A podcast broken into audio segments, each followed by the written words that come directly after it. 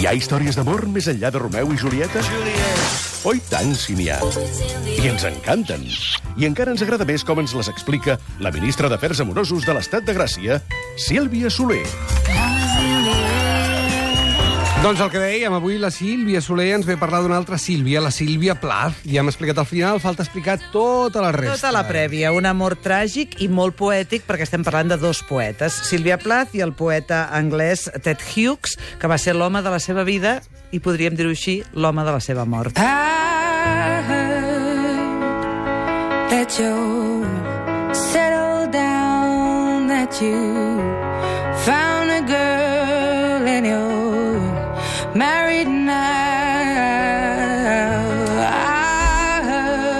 Sílvia Plath és una bona poeta, però jo crec que estarem d'acord, crec, amb, i si no m'ho dieu, i ens barallem, Vinga. que és molt més que una bona poeta. No, és molt menys que una bona poeta. Va, baralleu-vos! és un símbol per les feministes, perquè ella va eh, lluitar desesperadament per ser ella mateixa al costat d'una personalitat masculina bassegadora, com és la del poeta Ted Hughes, que la coneixerem una mica millor aquesta doncs mira, tarda. tinc una cosa, eh? A dia d'avui, qui se'n recorda de Ted Hughes? Sí, sí, no, no, és que clar, va fer un mutis por el foro la Sílvia, que ens en recordem molt, no? També és veritat. Ara, ara sabrem qui era. També és el, el, la Sílvia Plath també és el símbol de la lluita de tantíssimes dones que, eh, sobretot durant el segle XX, van sentir-se molt frustrades perquè volien tenir una carrera creativa o professional fins i tot, i a la vegada tenir una família, allò que semblava que, que els havien educat per això, i la cosa va, va resultar ser bastant complicada. I finalment també és un símbol per les persones que pateixen malalties mentals o almenys una, una, un perfil psicològic molt inestable. Per tant, mm, el que us deia, la seva poesia és bona i després parlarem una mica de la poesia, però el més important, jo crec, és el símbol que Sílvia Plath representa encara ara. Com segurament molts de vosaltres sabeu, la Sílvia Plath és una poeta americana, nascuda a Boston l'any 32, una noia, com, com dèiem, psicològicament inestable, que va patir la seva primera crisi important, la seva primera crisi severa, quan era molt jove. Ella va marxar de casa de la seva mare, perquè el seu pare ja havia mort, per fer estudis universitaris, i va passar una primera depressió terrible que va acabar amb un intent de suïcidi i amb l'aplicació d'electroxocs. Això està aviat dit, però eh, encara no tenia 20 anys. Eh? Aquesta etapa de la seva vida és la que després ella va recrear en una novel·la que es diu La campana de vidre, on ha, no parla en primera persona, però hi ha un alter ego, que és una noia que, si no recordo malament, es diu Esther, que, que li passa el mateix que li va passar amb ella. Um, um, ella havia guanyat una beca per anar a una residència de joves escriptores, eh, tenia unes notes boníssimes, era una noia intel·ligent i brillant, però quan comences la novel·la, que per cert us recomano, La campana de vidre, la primera frase ja fa pressentir que alguna cosa no anava del tot Ai, bé. ai. És una bona primera frase, eh? Ai. Diu així. En teoria era el millor moment de la meva vida. En teoria. Escolta'm, estic pensant, jo encara no sé la història, eh, amb Ted Hughes, Hmm. però ja veig un professor més gran i, i els dos que s'enamoren. No vaig bé. No, no es portaven gaire, gaire edat, eh? Era, sí que era professor, ell, però no es portaven gaire edat. Mm, bueno, no, i dos. em sembla, ara ho recordarem, però crec que no van ser professor i alumne, diguéssim, eh? Bueno, doncs no, escolta, no, no, no. m'encanta patinar. Vinga, recuperada del primer entrebanc gros, que va ser aquella primera depressió, l'intent de suïcidi, etc. la Sílvia Plath va aconseguir eh, recuperar-se, tornar a estudiar, i va aconseguir la beca Fulbright, que és una beca importantíssima, Sí. que només estudiants molt excepcionals aconseguien, i va sí, jo la marxar... vaig desestimar. Sí, no? Perquè tenia coses per aquí. No tenies ganes d'anar a No, Cambridge. res, res. Tenia lius aquí. Ella sí, ella se'n va anar a estudiar a la Universitat Anglesa de Cambridge i allà va ser on va conèixer el jove i atractiu poeta Ted Hughes. Es van enamorar bojament tots dos, es van casar l'any 56 i eh, des d'Anglaterra Sílvia escrivia unes cartes a la seva mare, que per cert són unes cartes meravelloses, si les voleu llegir estan totes recopilades en un volum, eh, explicant-li que s'havia enamorat i que era molt feliç. Nosaltres hem eh, agafat alguns fragments de Ah, això les cartes i hem demanat a la Dolors Martínez que les, d'aquella manera que ho fa ella també. Home. I escoltem aquest primer moment que Sílvia explica el seu enamorament a la seva mare. 29 d'abril de 1956.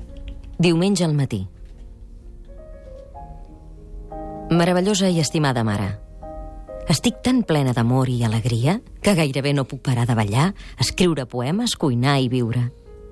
Dormo vuit hores escasses a les nits i em llevo alegrement amb el sol.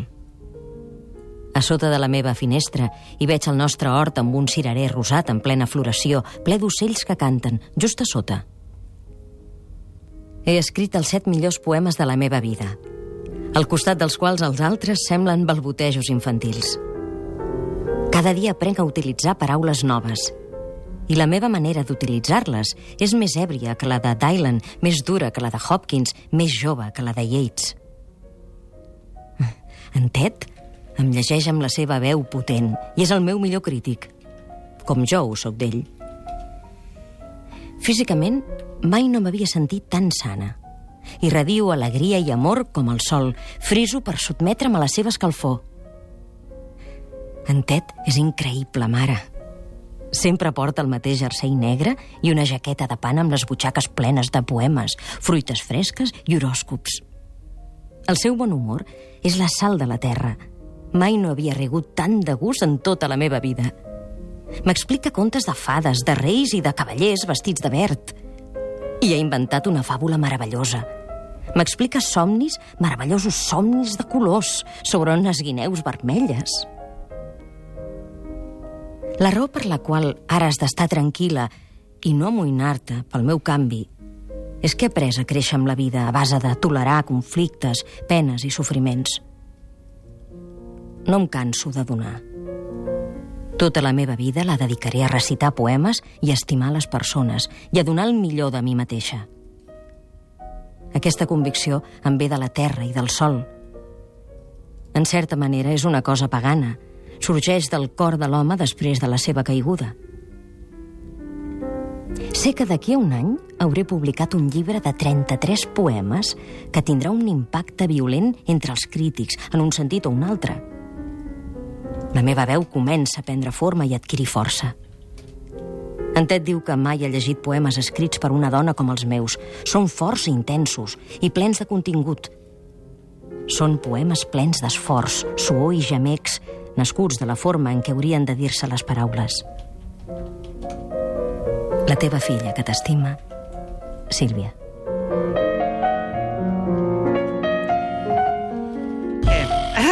És una carta molt potent perquè Molt. penseu que aquesta noia havia passat per allà on havia passat, que hem dit, eh? un intent de suïcidi i electroxocs. Vol dir que és una carta realment destinada a tranquil·litzar la seva mare i a dir-li ara sí, ho tinc tot superat, sóc feliç, he après de les dificultats. I, a més a més, és molt curiós veure que una noia tan jove estava tan convençuda del seu talent.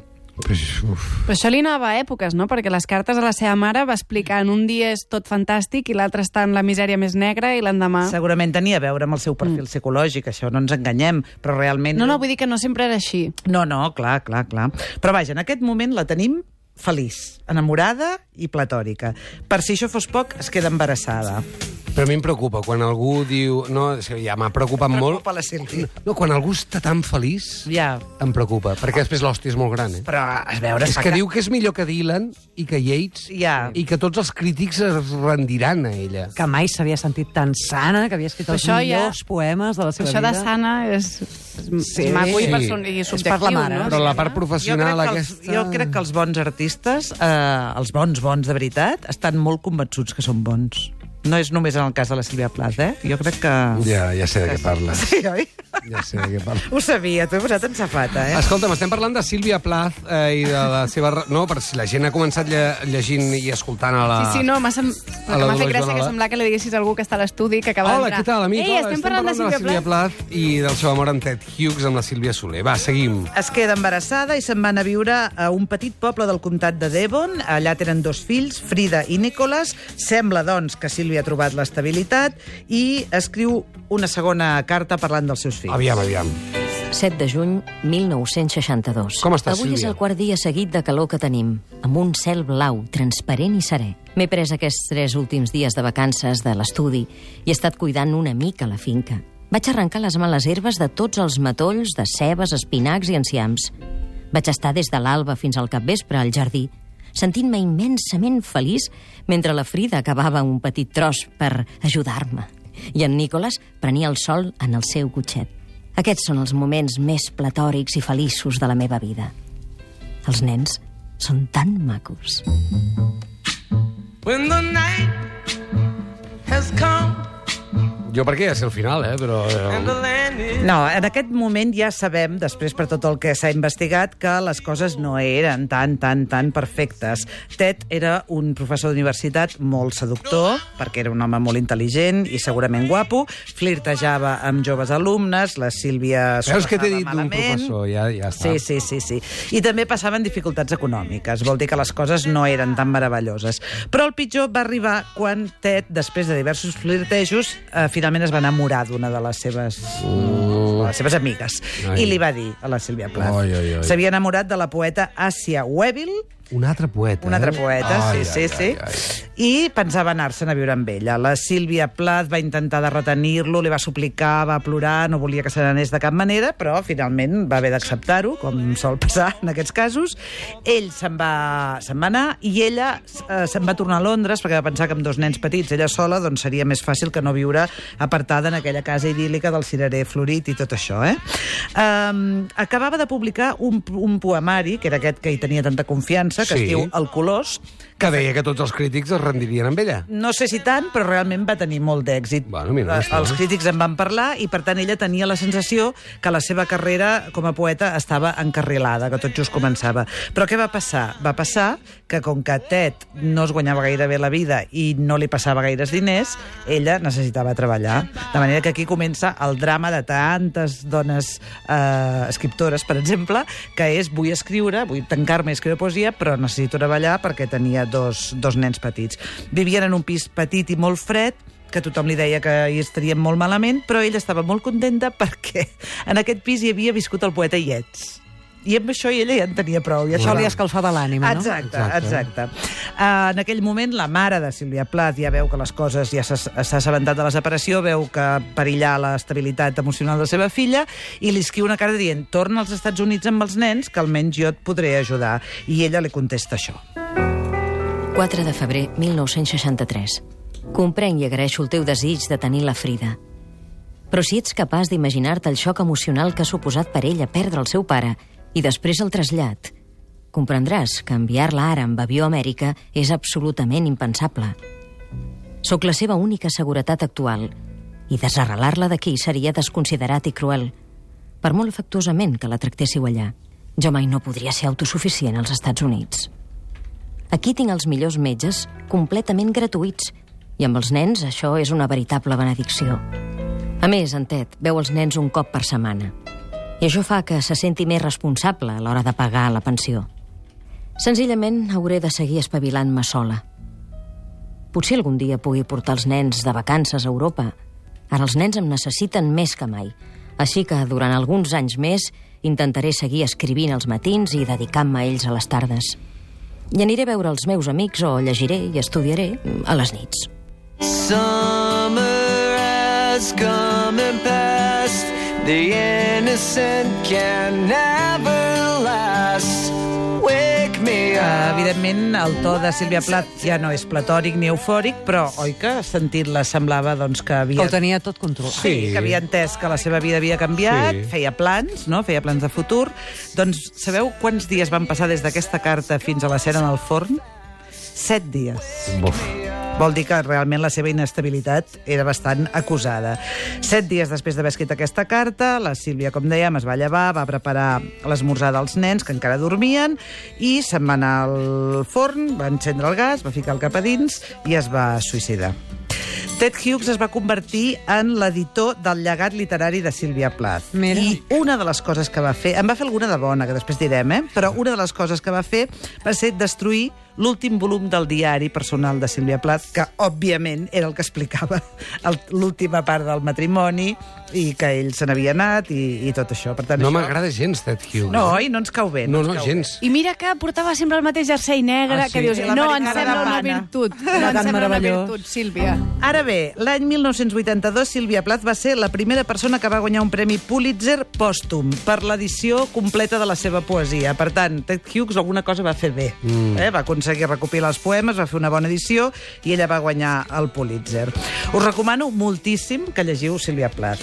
La poeta catalana Montserrat Avalló va traduir molt bona part de la seva obra, per tant la podeu trobar a l'antologia Soc Vertical, i també podeu trobar la novel·la que us deia, La campana de vidre, que jo també la trobo molt recomanable, eh, va sortir publicada en català però fa molts anys, l'any 1986, i per tant potser és difícil de trobar, també la trobareu en castellà. En castellà també trobareu les cartes a la seva mare, els volums dels seus diaris, on hi falta l'últim diari. Esto no, esto no, esto no, esto no. Exacte. Però podeu trobar molt de, molt de material. La vida de Sílvia Plath eh, ha inspirat moltíssim a diversos creadors. Hi ha dues pel·lícules que no sé si heu vist. Aviam, digues. Una pel·lícula es Los Goonies, diu no. La campana de cristal, justament, com el, la seva Sí. primera novel·la, Ni- no, i l'altra no es diu Sílvia, que és molt més recent i que explica tota aquesta Tu història. les has vist? Jo he vist una, la Sílvia, I què, et va agradar? i, sí, a veure, són aquelles pel·lícules que quan tu... Eh, a mi m'ha interessat sempre molt la vida de Sílvia Plath i l'he llegida. Llavors sempre et fas una idea que després al cinema te n'imposa una altra, diguéssim, i fa Mm. una mica d'angúnia. Bueno, i a més hi ha un problema amb els biopics o les pel·lis que volen explicar tota una vida, que és que queden una mica desdibuixades, pel meu gust, eh? Sí, sí, Perquè sí, des sí. de la infantesa fins que mor la persona, dius, ai, no sé, centrem-nos en alguna Home, en aquest cas hi ha un drama tan potent, no?, la mort d'una... el suïcidi, vaja, d'una poeta jove que, que, que s'aguanta, diguéssim. També hi ha un parell de llibres molt interessants sobre la Sílvia Plath, no escrits per ella. Un es diu L'hivern de Sílvia, els últims dies de Sílvia Plath, que és de la Kate Moses, i l'altre es diu La mujer en silencio, que jo el trobo encara més recomanable, de Janet Malcolm, eh, que potser parla més de, de la seva inestabilitat eh, emocional. Alguns diuen que Sílvia Plath era clarament un, tenia un diagnòstic de um, bipolaritat, Ahà. però no sé si està clar del tot. Eh? Bueno, en clar, qualsevol cas, de saber un cop mort, no? sabem que el seu fill, aquest nen Nicolás, Sí, que se'n sap? prenia Què el sol, sap? que era un bebè, es va suïcidar no fa gaire, No fotis, fa 3 o home. 4 anys. Sí, sí, ho vaig llegir al diari, recordo que vaig escriure un article perquè em va impactar. I la filla, Sí. que sí que és viva, ha tingut molts problemes d'anorèxia, o sigui que realment hi ha alguna cosa... Que bé, Sílvia, que bé, quan vens aquí i psicològicament ens expliques dificultosa. aquestes- Home, igualment, tot el background no, ja Sí. dona peu a... Exactament, a exactament. no portar-ho bé, diguem-ne. Hi hagi una herència genètica o hi hagi simplement doncs, Circumstàncies vivència... I, I l'home va viure molts anys, en Ted? Sí, va, va viure molts anys. Ostres... Uh, M'ho hauríem de mirar, Que això. potser encara hi és, eh? Però no, No, ho home, crec. no, això és impossible. No, no ho crec, no, no. Mira, va morir el 98. Correcte. Ah, o sigui, fa Va durar. 20 anys, no? 20 Sí, anys, exacte. exactament 20 anys, sí, sí. La veritat s'ha de dir, perquè com que no li hem agafat gaire simpatia en aquest Hugh, s'ha de dir que ell es va cuidar molt del llegat literari de, Sí. de la seva dona. Vull dir que en aquest sentit va complir. Però a mi això de la destrucció del diari, que potser també ho va fer doncs, perquè els seus fills, per protegir la, els seus fills, no Ahà. ho sé, perquè allà s'explicava el nucli del drama que s'havia viscut, no? Però vaja, la conclusió seria que això de que dos poetes s'enamorin és molt bonic, però Sí. no sé si és molt recomanable. Jo crec que en general dos, de, dos persones del mateix ofici Sí, no, és, no és la gran cosa, eh? No, Iala? Però el, Depèn. el Carles Riba i la Clementina Arderiu, Mira, força bé, sí, no? és veritat. Encara, Encara, dintre encara. dels paràmetres de l'època. Us en recordeu que la Clementina Arderiu algun dia es fugava, que deia ella, que volia dir que durant un dia deixava de fer les feines de la casa per poder escriure. Sí. Té la vaga de cures. Vull dir que potser és el preu que va pagar per poder tenir un matrimoni estable. No ho sabem, eh? però vull dir, és una opció. Doncs aquesta és la història de Sílvia Plath. Moltes gràcies per portar-nos aquest optimisme i aquesta alegria. La setmana que ve riurem més. Sí? Ja. Ja saps de qui parlarem? Sí, però no t'ho diré. Ah, gens? Digue-m'ho a mi, digue-m'ho. Inicials, inicials. No, no, Ah, no. juguem. Digue l'inicials, Ah, inicials. vale. Va. Doncs una B i una C. B alta C. Sí. Home o dona? Ja ho sé. Qui és qui? No, però no ho diguis. Ja ho sé, que no, no t'ho diré. Bueno, no ho sé perquè... BC. B i C. Mm, Bill Clinton, Bill Clinton! Ai, quina història molt més maca. Sílvia, com Apa, sempre, fins la setmana que un plaer. ve. Moltes, moltes Adéu. gràcies. Nosaltres ara, mira, ja els veig per aquí. David Olivares, D-O-I-A-M. No abans de... Anava a dir Back Cherry. No, encara no et toca, Oliver. Sentit David Olivares no? Ara, ara, ara. no, no, pots Fins ara sortir, mateix, ara sortir. mateix. Va, va, va.